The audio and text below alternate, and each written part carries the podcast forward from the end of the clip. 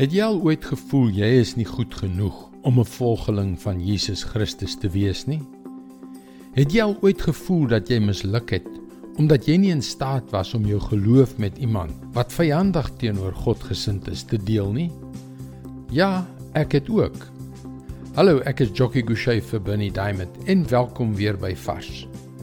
Ek dink nie daar is 'n enkele persoon wat in Jesus glo en hom liefhet en besluit het om hom alleen te volg wat nie ontoereikend gevoel het wanneer hulle die evangelie moet deel nie. Maar soos ons nou die dag gesien het, het Jesus vir sy disippels gesê in Markus 16 vers 15: "Gaan uit die hele wêreld in en verkondig die evangelie aan die hele mensdom." Dit was nie net 'n aanbeveling nie. Dit was 'n opdrag. Soos D.L. Moody dit gestel het. Die skrif is nie vir ons gegee vir ons inligting nie, maar vir ons transformasie. En indien jy oorweeg om jou geloof in Jesus hierdie Kersfees met ander te deel, is dit daardie transformasie waaroor ek vandag met jou wil gesels.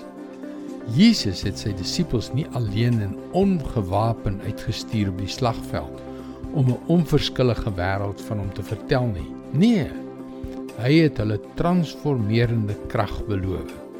Ons lees in Handelinge 1 vers 8 maar julle sal krag ontvang wanneer die Heilige Gees oor julle kom en julle sal my getuies wees in Jerusalem sowel as in die hele Judea en in Samaria en tot in die uithoeke van die wêreld.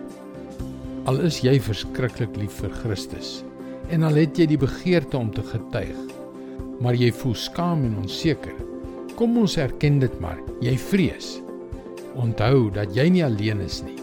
Die Heilige Gees self sal jou die moed, die sensitiwiteit, die wysheid, die woorde en die krag gee om vir diegene wat nog nie van Jesus weet nie, alles van hom te vertel.